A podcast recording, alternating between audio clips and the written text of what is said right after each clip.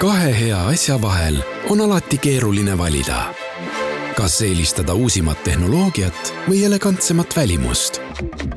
uue Toyota Camry täishübriid elektriautoga on valik lihtne. See on lipulaeva elegants, mugavus ja turvalisus. uus Camry Hybrid koos viimase põlvkonna Toyota Safety Sense ohutuspaketiga. Camry Executive on nüüd eriti hea tutvumispakkumisega. vaata lisa toyota.ee. kuku raadios välja öeldud seisukohad ei pea ühtima Kuku raadio seisukohtadega.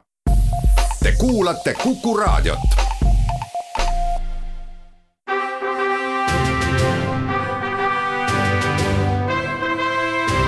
vahetund Tartu Postimehega. tere päevast, head sõbrad, viieteistkümnes juuni ja Vahetund Tartu Postimehega äh, läheb taas eetrisse. ehkki äh, meeleolud on äh, ükskõik kuhu ka vaataks, aina suvisemad ja kahtlemata põhjendatult, sest mitmesugused koroonaviirusest tingitud piirangud on ju meie elust justkui võluväel haihtunud ja inimeste janu vabalt ja elunautlevalt tegutseda on täiesti iseenesestmõistetav mõistetav ja seda kellelegi ette heita ei saa, niisiis ka puhkuste hooaeg on algamas. aga Vahetund Tartu Postimehega on endiselt äh, töisel lainel, nii nagu ka Tartu Postimehe toimetus. Äh, tahame täna äh, siin ette võtta kaks põhiteemat. saate esimeseks pooleks olen siia palunud kultuuriajakirjaniku Raimu Hansoni, et rääkida soome-ugri rahvaste maailmakongressist, mis kohe-kohe ERMis algamas on.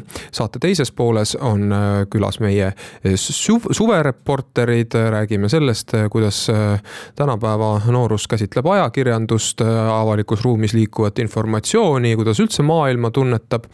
ja noh, eks siis näha ole, kuhu me selle jutuga lõppude lõpuks äh, jõuame, kahtlemata on see juba ette ja eos intrigeeriv. mina olen Tartu Postimehe peatoimetaja Rannar Raba, niisiis Raimu, kirjutasid tänasesse lehte suisa kaks lugu selleks, et ära märkida, ent anda ka olulist informatsiooni informatsiooni selle kohta, mis siis ERMis lähiajal pihta hakkab. see, et soome-ugri äh, rahvaste kongress nüüd äh, külakorda on taas jõudnud Eestisse ja seda korraldatakse Tartus, on muidugi juba vana teadmine.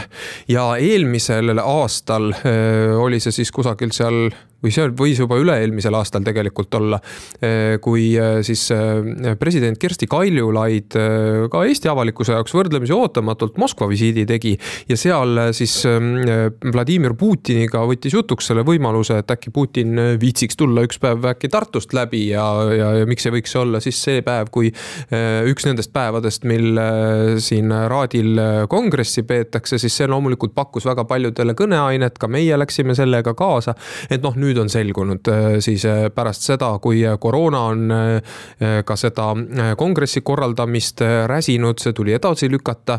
et noh, tegelikult kogu sündmus on mõnevõrra siis väiksemaks kuivanud ja loomulikult ka poliitikute osalemine seejuures on kas siis ära jäänud või ebaolulisemaks osutunud, igal juhul me ei näe siin kindlasti Kersti Kaljulaidi ja Vladimir Putini kohtumist.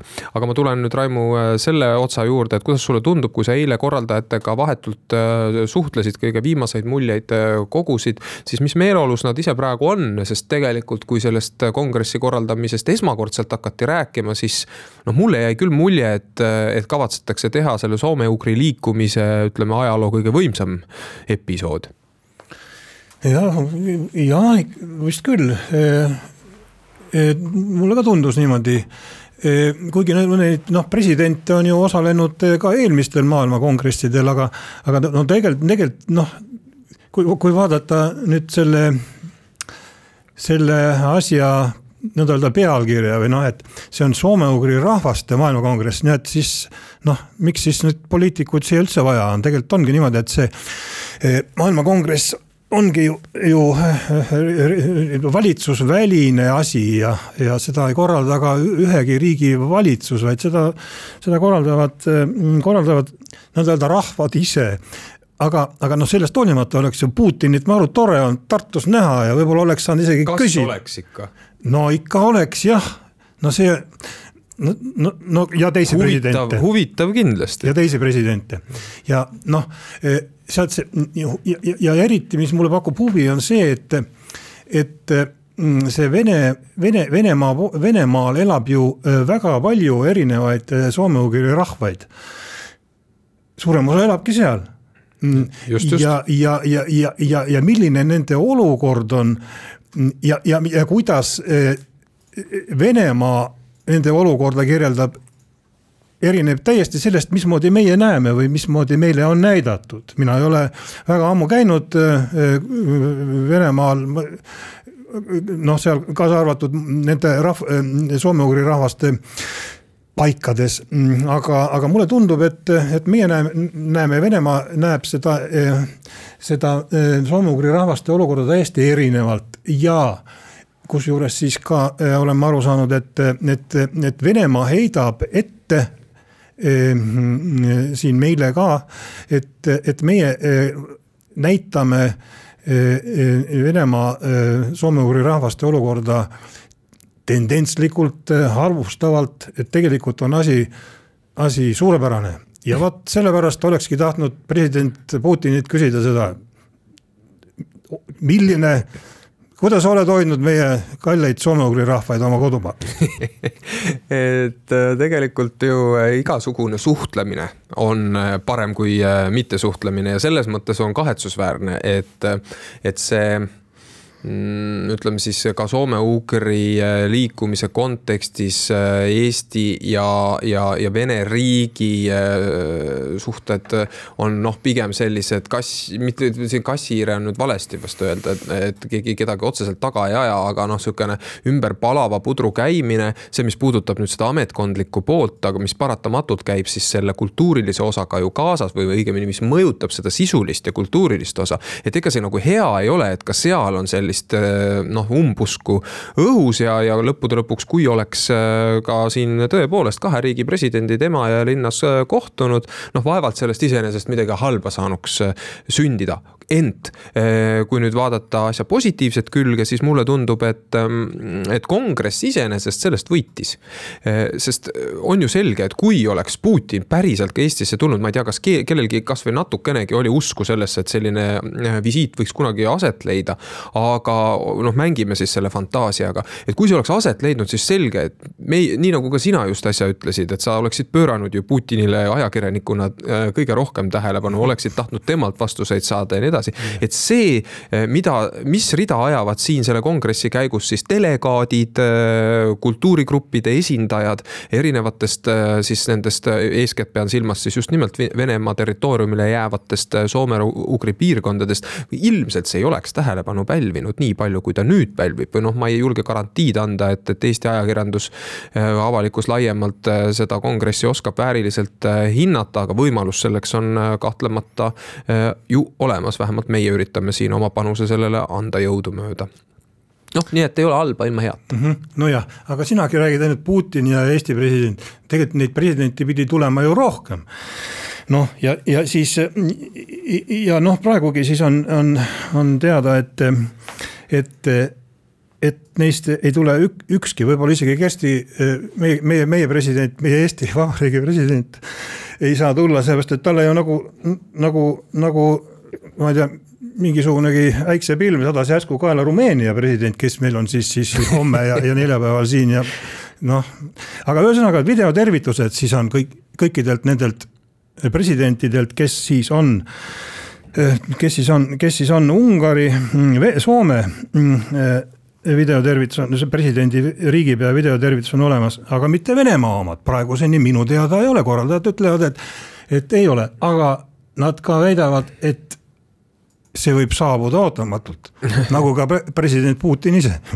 no vaevalt nüüd Putin ise väga ootamatult siia eh, kutse saabub, aga. kutse on jõus. kutse vist on jõus tõepoolest. olgu, eh, meil on nüüd reklaamiks eh, õige hetk ja pärast seda jätkame samal teemal.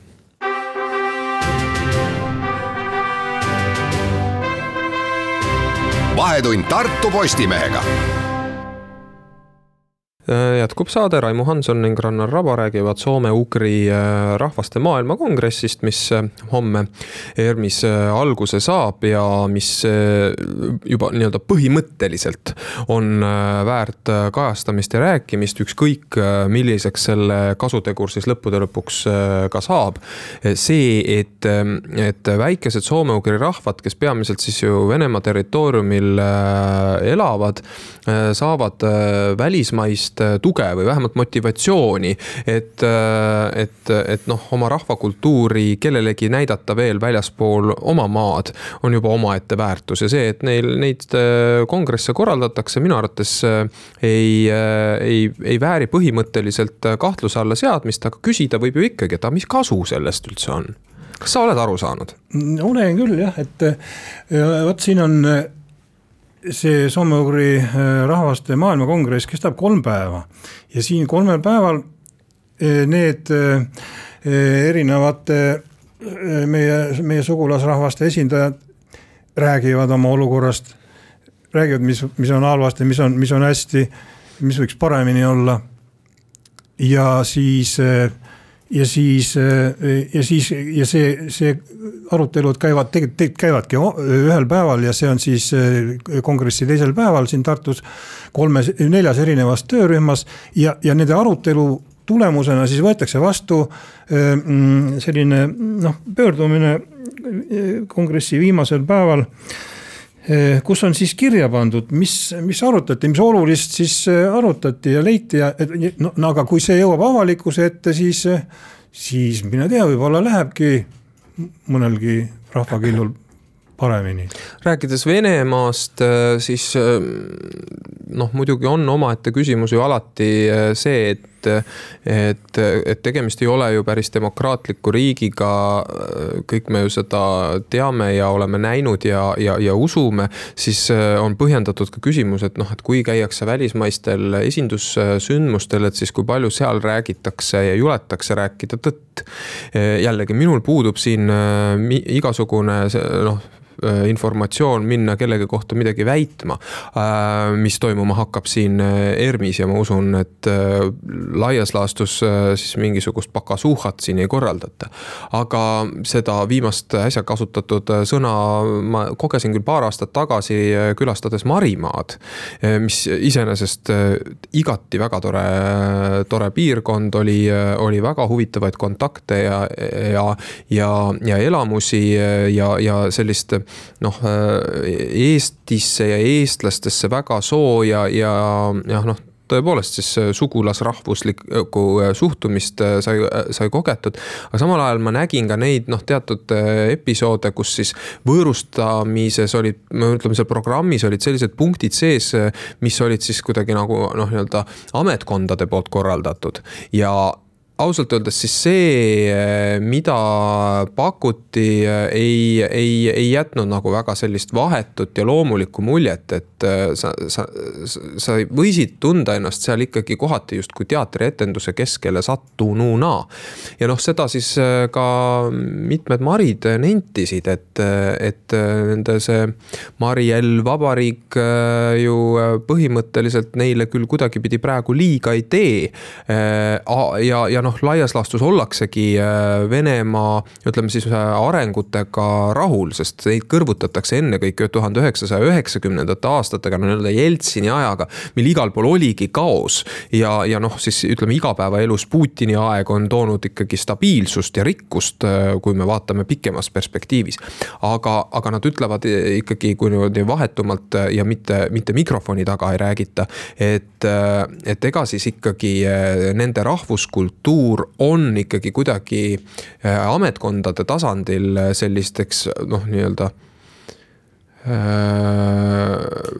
noh, selliseks alaväärseks päri, pärismaalaste kultuuriks äh, hinnatud küll. ja, ja nüüd on küsimus selles, et kas siis see soome-ugri liikumine laiemalt ikkagi kuidagi annab neile jõudu ka kodumaal rohkem selga sirgu hoida, mina usun, et äh, annab, miks mitte. aga noh, vaadates näiteks Mari, Marielli siis pealinnas Joška-Olas ringi, siis noh, tegelikult on see noh, ühelt poolt sa võid ju tunda, et see on nagu, sa võid sellest sellesse suhtuda kui, kui, kui lõbustus rahvusparki või, või väga veidrasse vaatamisväärsusesse, mida turistina on väga huvitav nautida, aga kui sa näed, et et üks ähm, üks ajalooline linn on äh, üm-, äh, mõne aastaga ümber kuju-, äh, kujundatud nii, et buldoosritega on plats siledaks löödud ja selle asemele ehitatud Disneyland. sõna otseses mõttes kopeeritud siis maailma erinevaid tuntud objekte, noh, tähendab suuremat kitši ma ei ole kusagil mujal maailmas näinud, just, kui just nimelt Marimaa pealinnas. ja sellel ei ole maride kultuuriga ju mitte mingisugust pistmist. ja nüüd, kui me mõtleme selle peale, et kuidas see üüratu kitš, mida on sinna loodud kuni selleni välja, et seal on põhimõtteliselt Moskva Kremli koopia, Neuschwansteini lossi koopia või Neuschwansteini äh, lossis asub vist Spari pood, kui ma nüüd õigesti mäletan. Et äh, mingi toidukauplus tegelikult oma olemuselt või oli see kultuurikeskus, hea küll, seal on neid äh, objekte erinevaid üksteise otsa laotud, et, et et kuivõrd siis nagu need turistid, kes sinna piirkonda satuvad, sealt seda kohalikku rahvast äh, üldse leiavad ja nüüd sealt omakorda siis, kuidas see kohalik äh, rahvas ennast tunneb ja noh, mõeldes nendele äh, maaküladele, mida seal siis ümbruskonnas sai külastatud, siis põhiline häda oli ikkagi ju see, mida me oleme ka Eestis näinud ja kuulnud täiesti loomuldasa, et noored ei taha külades püsida enam ja see, seetõttu on ka selle siis rahvuskultuuri hoidmine ohus, sest vanad paratamatult hakkavad ju varsti eest ära kaduma ja siis tekib küsimus, et, et kes siis sinna, sinna, kus see päris rahvuskultuur veel elus on, kes siis sinna jääb. ja minul tekkis küll küsimus, et noh, et kui me näeme, et seal pealinnas äh, marmorist laotakse noh, äh, müüre või noh, marmorist rajatakse totaalset kitši noh, ikka päris õudsat arhitektuuri ja samal ajal maale ei jõua mitte midagi siis kas me näeme siin mingisugust sihitud äh, poliitikat või mitte? vaat ma ei oska sellele vastata, aga küsimuse see tekitas mm. -hmm. et nendele, need, need teemad äh, tuleb ikkagi teadvustada ja sellele aitab siin Eestis soome-ugri rahvaste kongress kindlasti kaasa. jah, aga no seda tegelikku olukorda ei saa, ei saa see maailmakongress oma resolutsioonis, mis lõpuks vastu võetakse, vastu võetakse päris ausalt äh, kirja panna, sellepärast et siis tekib see oht, et, et, et, et Vene, Vene, Vene, Vene, Venemaa hakkabki oma maailma kongresse korraldama. et äh, see on niisugune munade, munade peal käimine on nagu meil juba Papa Jansen kunagi rääkis munade peal käimisest. et äh, see maailmakongressi äh, korraldamine või maailmakongressi nende dokumentide vormistamine on lõpp, lõppdeklaratsiooni vormistamine on samamoodi asi, mis on munade peal käinud. Eh, kahtlemata, aga noh, ega siis eh, ma usun, et kes selles liikumises tugevalt sees on, ei, ei ole ju endale noh, mingisugust sellist üleolevat positsiooni ju ka võtnud, et me teame ja, ja, ja ei ole ka mõtet arvata, et kõik, mis toimub soome-ugri rahvastega Venemaal, et see on läbinisti halvasti. ja nüüd meie siin vabas maailmas, olgu need siis ungarlased, eestlased või soomlased, ungarlased muide tahavad ennast kuidagi nagu distantseerida sellest soome-ugri asjast ma olen kuulnud, aga hea küll, see selleks, ei ole tähtis praegu. et, et siis justkui meie oleme siin nagu need, kelle ja kel musternäidiseks igas, igas episoodis jagame jagamaks tarkust äh, sinna idapiiri taha ja, ja siis hoidmaks pöialt, et seal vaesed ja vaevatud äh, vastu peaksid, siis noh, see ei ole tegelikult ju lähenemiseks äh, õige alus ja ma loodan, et ka ajakirjandus saab sellest aru, kui nüüd neid täna, neid homme ja ülehomme, üle-ülehomme kajastusi tehakse mine tea, äkki õnnestub meilgi. Raimo, aitäh sulle, et äh, tulid äh, seda, seda sündmust siia raadiosaatesse tähtsustama, nüüd läheme pooltunni uudiste juurde ning seejärel äh, Tartu Postimehe tänavused suvereporterid on vestluspartneriks mul.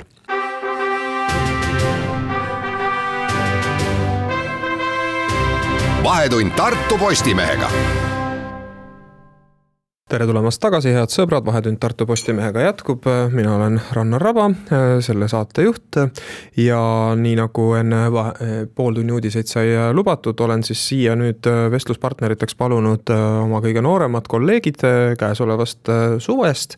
Need ongi Tartu Postimehe suvereporterid Kertu Rannu ning Henn Uuetoa meil on olnud väga pikk traditsioon suvereportereid palgata, esiteks omakasust ajendatuna peaasjalikult siis seetõttu, et kui oma ajakirjanikud on puhkusel, siis töö peab ju ikka keegi ära tegema ja kellele sa ikka seda vastutusrikast koorem, koormat veeretad siis, kui, kui mitte nendele, kes kõige vähem vastu hakata oskavad, ehk siis noorematele inimestele, aga olgu, nali naljaks.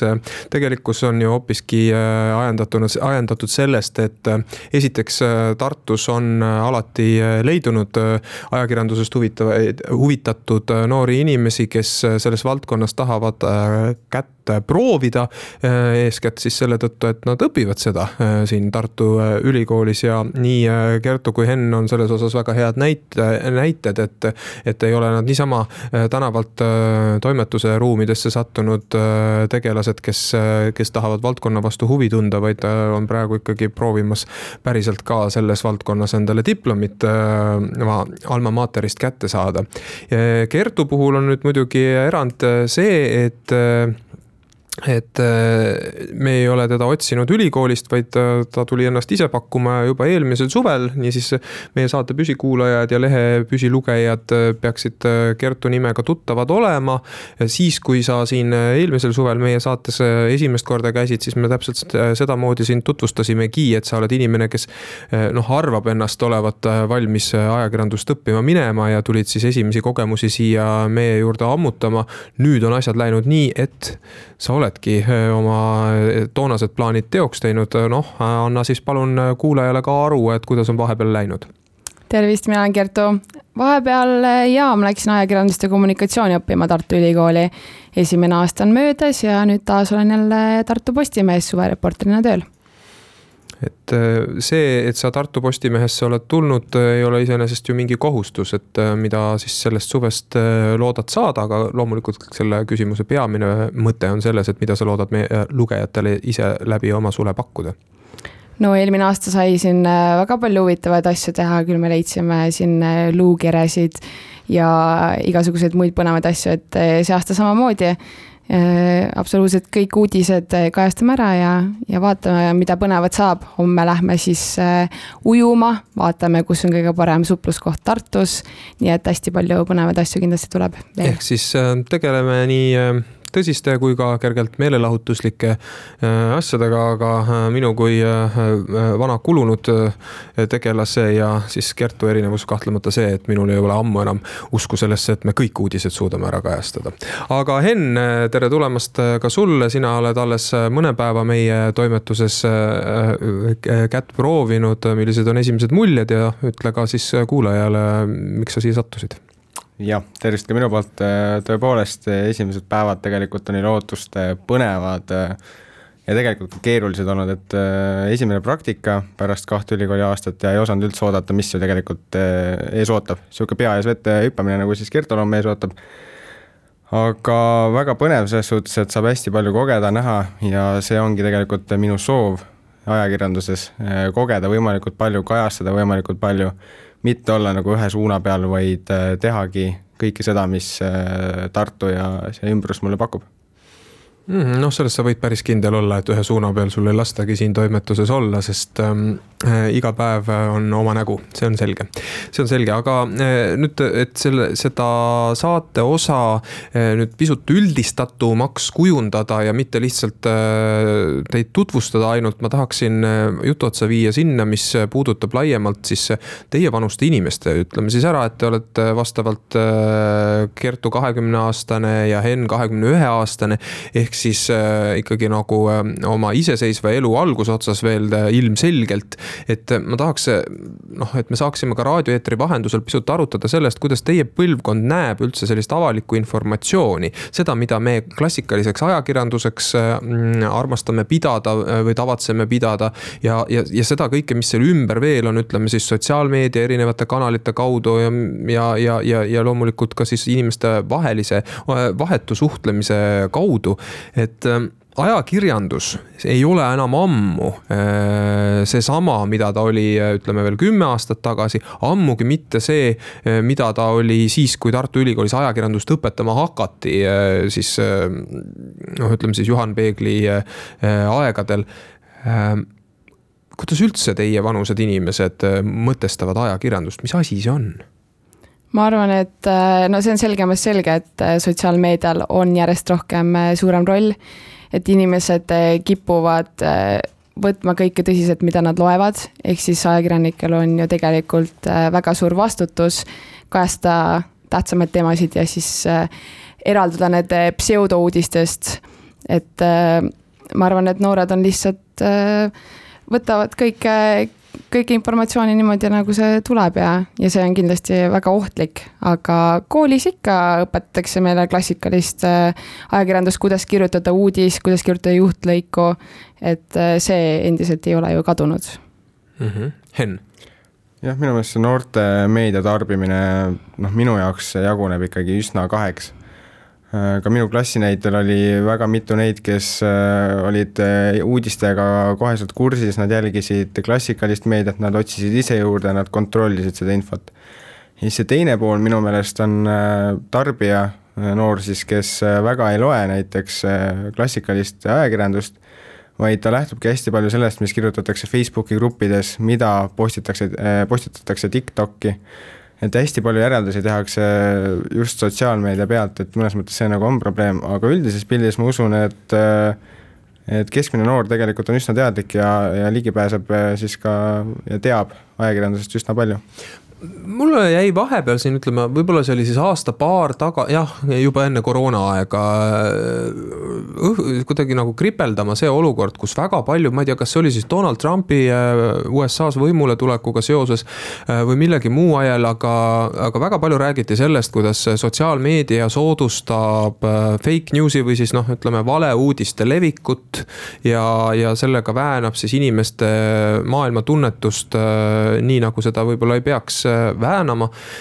mulle juba toona jäi see mulje, et tegelikult vist see on natuke ülevõimendatud probleem, sest valeuudis iseenesest kaugele ei lenda, ka mitte sotsiaalmeedia kaudu, isegi siis, kui seda no, professionaalsed ajakirjanikud ei, ei kontrolli ja ei noh, siis oma nime ja, ja, ja uuriva tööga ei, ei, ei kinnita. aga mis on nagu küll sotsiaalmeedia omapära see, et ta suunab inimeste tähelepanu suhteliselt suvaliselt suvalistele teemadele. et äh, inimesed, äh, tähendab sotsiaalmeedia põhjal on ütleme siis niimoodi, et ähm, võimalik äh, sattuda noh, ütleme siis inforuumis sellistesse sfääridesse, kuhu sa tingimata ei peaks sattuma või kuhu sa oma isiklike vahetute huvide tõttu ei, muidu ei satuks. ja see on nagu huvitav valdkond, et, et noh, et kui palju see siis nagu tänapäeva noorte maailma pilti mõjutab ja, ja, ja nende siis noh, ma ei tea, elukutsevalikuid või, või, või mingeid ostuharjumusi või midagi taolist mõjutab, et see juhuslikkus, ma mõtlen, on probleem minu arust on, see on jah õige, et valeinfo kaugele ei lenda. aga just see infomüra, mis sinna tekib, on äh, täiesti ebavajalik, et äh, kuskilt tuleb mingi info, seda peab kontrollima, selle peab ümber lükkama. sa pead selle jälle välja kuulutama, kuidas tegelikult asjad on, et see infomüra väsitab inimesi, mina vähemalt tunnen, et äh, et teha sotsiaalmeediast täielik paus vähemalt kord nädalas on väga hea valik, sest et lihtsalt seda informatsiooni on liiga palju ja olen äh, täiesti nõus siin mõlemaga, et, äh, et seda infot on hästi palju, müra just nimelt ja valeuudiseid ka. mis minu arust on hästi positiivne, on see, et sotsiaalmeedias, isegi kui see valeinfo nagu üritab lendu minna, siis on hästi palju ka noori tegelikult, kes, äh, kes hakkavad sellele vastu, toovadki selle tõe välja või ütlevad, et see siin ei ole nagu ilmselgelt mingi allikas, mille järgi seda nagu uskuda et selles suhtes tegelikult on seda vasturünnakut nagu ka, aga see kõik tekitabki seda väsimust just nimelt, et et äh, see tähelepanu hajub hästi kergesti. Mhm. ja et meie äh, kuulajal siis nüüd meie jutust tähelepanu ei hajuks, siis käime korraks reklaamipausil.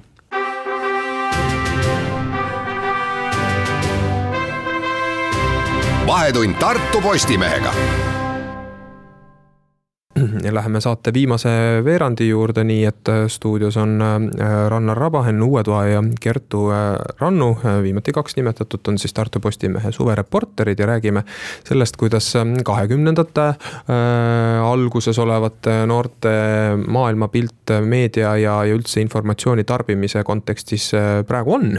sest tahame või mitte ennast nooreks pidada kuni, kuni hauani välja, siis me kõik seda kahtlemata ei ole ja see, mida erinevad põlvkonnad äh, teevad väljaspool, ma ei tea, tänavapilti või, või, või kaupluseruume, mida me kõik ju ühiselt jagame, siis, siis see võib olla täitsa üllatav. ja noh, selge see, me juba siin enne ka jõudsime jutuotsaga sinnamaani, et, et ega noh, ütleme selline lineaarne klassikaline ajakirjandus äh, nagu seda on, ütleme televiisori vaatamine, et kui siin veel noh, ma mäletan. Äh, ma ei tea, võib-olla tõesti ka kümme aastat tagasi oli veel see olukord, kus väga sageli väga tõetult või tähendab tõepõhiselt räägitigi sellest, et laste põhiprobleem on see, et. ja noorte põhiprobleem on see, et nad veedavad aega liiga palju teleka ees, siis üllatus-üllatus, nüüdseks televiisor kui selline ei ole enam üleüldse äh, noorte inimeste jaoks mitte mingisugune oluline kanal.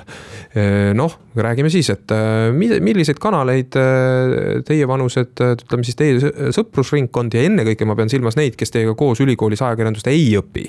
et mida nad siis jälgivad tavaliselt? hakkame Kertust pihta. no sotsiaalmeedias kindlasti Facebook, Instagram, TikTok, mis on nagu äh, mina mäletan, et mina alguses olin ka, et issand, miks ma peaksin vaatama mingeid lühivideosid ja seal on ju. no see tundus lihtsalt tobe mulle, kuniks ma laadisin selle endale alla ja, ja vahepeal õhtuti vabal õhtul, mida viimasel ajal väga ei ole, aga. aga siis võis tunde minna sinna alla, sest et see on väga huvitav, seal on tantsud ja seal on informatiivsed videod ja see võtab minu tähelepanu väga ideaalselt ära. Twitter näiteks samamoodi, kuulad seal inimeste säutse et äh, see on just huvitav, sellepärast et inimesed kirjutavad sinna hästi emotsiooni pealt. et äh, siis sa saad kuidagi, äh, saad nagu näed nagu inimest, et mis tal see probleem on ja saad sellest kinni haarata, et võib-olla see on nagu suurem probleem, aga tavaliselt need on. no jaa, aga sellised... minu loogika ütleb seda, et sotsiaalmeedia saab olla juba nagu loodud äh, siis ajakirjandusliku materjali tõlgendaja, levitaja ja kommenteerija. aga kui palju on ikkagi seda, kus äh, siis sotsiaalmeediakontode omanikud, vahet ei ole, millises kanalis, minu pärast kasvõi Tiktokini välja, äh, on siis ise kujutavad ennast ette kui, äh, kui ajakirjanikud, sest väga palju on räägitud ju sellest, et ajakirjanikud jäävad saavad lõpuks leivata, sest inimesed hakkavad ise ajakirjanikeks. ma kohe ütlen ära, et ma ütlen, see ei ole võimalik ja see ei, ei saa nii, nii olla, aga, aga kui palju neid on, kes, kes tahavad olla siis need need suunamudijad selles mõttes, et, et, et tekitada veel eraldi mingit, mingit inforuumi, kui palju teie neid näete? ma võin Twitteris tuua välja Sass Henno, kes äh, äh, üritab äh, maailma parandada oma säutsudega. või siis näiteks vaadata kasvõi Facebookis äh, ringi, siis seal on erakonna liikmed, kes äh, näiteks peale istungeid kirjutavad sinna pika, pika kirja enda arvamusest ja kuidas tegelikult peaksid asjad olema. ma arvan, et see natukene liigub sinna ajakirjanduse suunda, et inimesi ku-, noh, tõmmata siis kuulama Facebookist, no lugema seda, mis nemad arvavad, et see võib-olla on natukene seda suunda, aga seda mina ka ei usu, et äh, iga inimene võib äh, sotsiaalmeedias hakata äh, ajakirjanikuks mm. -hmm jah, siin TikToki näite juurde tagasi tulles, siis hästi leviv on tegelikult, ongi mõni skandaalsem, erakordsem video, seal hakatakse aeg küsima, et mis toimub, mis toimub ja päris palju on neid, kes hakkavadki nii-öelda seda rolli mängima, et ma nüüd tean, kuigi tegelikult kas ta siis meelega seda valeinfot süstib või ta ei tea aga näiteks, kui nüüd oli siin äh, jalgpalli EM-il äh, Kristjan Eriksoni kokkuvarisemine, siis samamoodi TikTok'i all oli nii kurvemaid kui rõõmsamaid stsenaariumeid, mis siis olid puhtalt oma teadmise pealt kuidagi sinna süstitud. et seda tahtmist nagu justkui nagu olla see maailma muutja on päris palju aga. vaat, vabandust, seesama Ericssoni näide on minu arvates äh, praegu muidugi äh, väga ilmekas sellest, äh, kus me saame, kus me peame tunnistama, et, et mingites situatsioonides sotsiaalmeedia teeb oma tööd efektiivsemalt, kui seda saab teha aja, noh, klassikaline ajakirjandus, ka kui me räägime otse-eetris olevast ajakirjandusest, olgu siis tegemist raadio või televisiooniga, et ma just jälgisin ka, kuidas ma ise käitusin. et, et olles saanud teada, et seal platsil just midagi taolist juhtus, ma olin autos, ma ei olnud küll autoroolis, siis hakkasin, eks ole, telefonist jälgima ERR-i otseülekannet sellele mängule, mis seal siis parasjagu toimub. seal siis ühel hetkel ma tabasin ära, et, et seis seisab, informatsiooni ma juurde ei saa ja et, et kuna, kuna need inimesed, kes peavad olema otse-eetris, saavadki, eks ole, infot ammutada ainult teistest sarnastest ametlikest kanalitest, kelle ülesanne on kontrollida lõpuni mingi informatsioon ära, enne kui see eetrisse paisata, siis see võtab paratamatult aega ja nii osutuski minu jaoks esmaseks infokanaliks hoopiski Twitter, kus ma hakkasin nägema es esimesena neid neid fotosid, mida siis keegi oli seal staadionil teinud äh, teatud nurga alt, kus on Eriksen näha äh, teadvusel olijana, nii et pea püsti, mis andis esimesena selle signaali, et asjad ei ole läinud kõige halvemini. ehk siis siin on näha küll see, see ruum, et me võime ennast ajakirjanikena äh, pidada väga operatiivseteks ja tähtsateks, aga mingites situatsioonides see lihtsalt ei tööta ja meid, meist sõidetakse üle. aga siin on nüüd hoopis teine, teine mastaap, milles peab ajakirjanik ennast tähtsaks mõtlema, see on hoopiski see, et me noh, nii-öelda nii-öelda suuri teemasid teemasid ja aitame tõlgendada ja, ja tõepõhiselt siis pikemaks rääkida jah, ma olen, ma ise vaatasin samamoodi täpselt seda ETV ülekannet ja ootasin seda infot, sest et mina tulin, ma tulin üles vaatama, isa vaatas ja ma ehmatasin kohe, et mis toimub. ma jäin kannatlikult ootama, mis siis ERR-ist kostetakse, aga seda vastust eh, pidi üsna kaua ootama ja siis ma hakkasin isegi just Facebookist, Instagramist igalt poolt vaatama ja lõpuks mingi jalgpalliklubi või, või noh kes on sellel maastikul nagu tegelane, tema kaudu siis sain sellesama info, et ta on teadvusel. aga minu jaoks oli see sihuke info, et noh, see kergendas kuidagi, aga ma ei saanud seda võtta faktina, ma jäin ikkagi ootama seda ajakirjanduse väljapaiset. ehk siis sotsiaalmeedia on kiirem, äh, vajalik äh, ja kättesaadav, aga ajakirjanduse roll ikkagi on see, mis võiks selle i-le nagu selle täppi panna, et nii, nüüd ongi, et ta on äh, teadvusel et see. aga nii kusjuures toimibki ja minu arvates on see igati loomulik ja loogiline, niimoodi äh, ju tegelikult juba külaühiskond on äh, aastasadu äh, eksisteerinud, et, et, et, et kõige suurema suuga naabritädi jõuab ikka e-, esimese ja sugugi mitte alati päris täpselt paikapidava informatsiooniga kohale, kuni siis lõpuks külakärajad lõpuks selle tegelikkuse ära kinnitab, et, et asjad käivadki loogilises järjekorras. lihtsalt tähtis on see, et kas infotarbija oskab noh, e-, selles esim-, sellest esimesest sellele esimesele infole läheneda piisavalt siis äh, skeptiliselt, et äh, ammutada sellest see tõde nii palju, kui seda tundub seal olevat, aga olla samal ajal igaks juhuks ka ettevaatlik. et siin on see, miks ma teid, noored, olen just taht-, äh, palunud siia stuudiosse, et, et ütleksite, et kuidas teile tundub, kas teie eakaaslased oskavad seda. sest see, nagu te ütlesite, müra on ju meeletult palju selle sees ennast harida või ettevaatlik olla ei ole lihtne ju ei ole muidugi, mina arvan, et äh, kõik minu kursakaaslased on seda juba õppinud ja oskavad äh, teha heal infol vahet, aga ma näen näiteks kasvõi oma ema pealt, et vahepeal ikkagi pealkirjadest võetakse liiga kinni ja siis ma ütlen, et noh, loe siis sisu ka palun ja siis tuleb midagi muud välja. Mhm. et äh, see on küll väike, väike asi, aga ikkagi see on infomüra aga milliseid äh, klassikalise ajakirjanduse kanaleid jälgitakse? Äh, noh, milliseid äh, ikkagi noh, mingil määral ju vaadatakse ikka televiisorit ka, vähemalt teleuudiseid, ma eeldan ka kahekümneaastaste inimeste hulgas, ükskõik kui noh, ma ei tea, kui palju see siis, mitu päeva nädalas või, või, või mitmel päeval nädalas, aga milliseid ajalehti loetakse, milliseid telekanaleid vaadatakse, milliseid raadiokanaleid jälgitakse? minu sõpruskonnas mul ei meenu ühtegi tuttavat või sõpra, kes vist loeks paberlehte. Aga hästi positiivne on see, et enamik neist loevad äh, kas või Facebookis siis äh, seda, mida jagab Delfi, Postimees, ERR edasi. ehk mingit infot nad kindlasti tarbivad, telekat vaadatakse ka nii palju, kui sinna ette satutakse, aga kindlasti see teleka äh, roll on nüüd vähene, vähenemas, on pigem raadio ja sotsiaalmeedia, kus siis ikkagi infot jälgitakse, aga minu meelest minuvanused noored ei saa väga ette heita, et nad nüüd väga infosulus oleksid -hmm. ma tooksin välja Aktuaalse kaameraga, see on äh, rohkem populaarsem, kui me arvame noorte seas. et meil on olnud arutelusid selle kohta koolis ka, et ikkagi üheksakümmend protsenti jälgib Aktuaalset kaamerat ja see on väga tore kahtlemata mingisugused, mingisugused pidepunktid peavad elus ikkagi paigas olema ja siis on palju muretum ka kõikvõimalikke uuendusi vastu võtta ja järgmisel hetkel neist jälle lahti öelda ja, ja mingite järgmiste juurde asuda. tahaks loota, et Tartu Postimees koos oma raadiosaatega on ikkagi see pidepunkt, millest me siin just äsja rääkisime, mis aitab ülejäänud elusse kuidagi loominguliselt suhtuda. ja selleks, et meil jõudu selleks oleks, võtame nüüd endale õiguse ja siirdume suvepuhkusele. vahetund Tartu Postimehega tuleb eetrisse taas pärast augusti, augusti teist, teise poole saabumist, ehk siis siis, kui on möödas juba ka taasiseseisvumise päev. seniks soovime teile kena suve ja olge siis Tartu Postimehega nii veebis kui paberis. aitäh, kohtumiseni.